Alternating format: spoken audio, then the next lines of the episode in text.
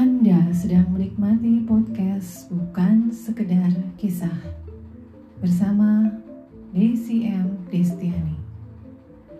Karena setiap kisah punya tujuannya sendiri.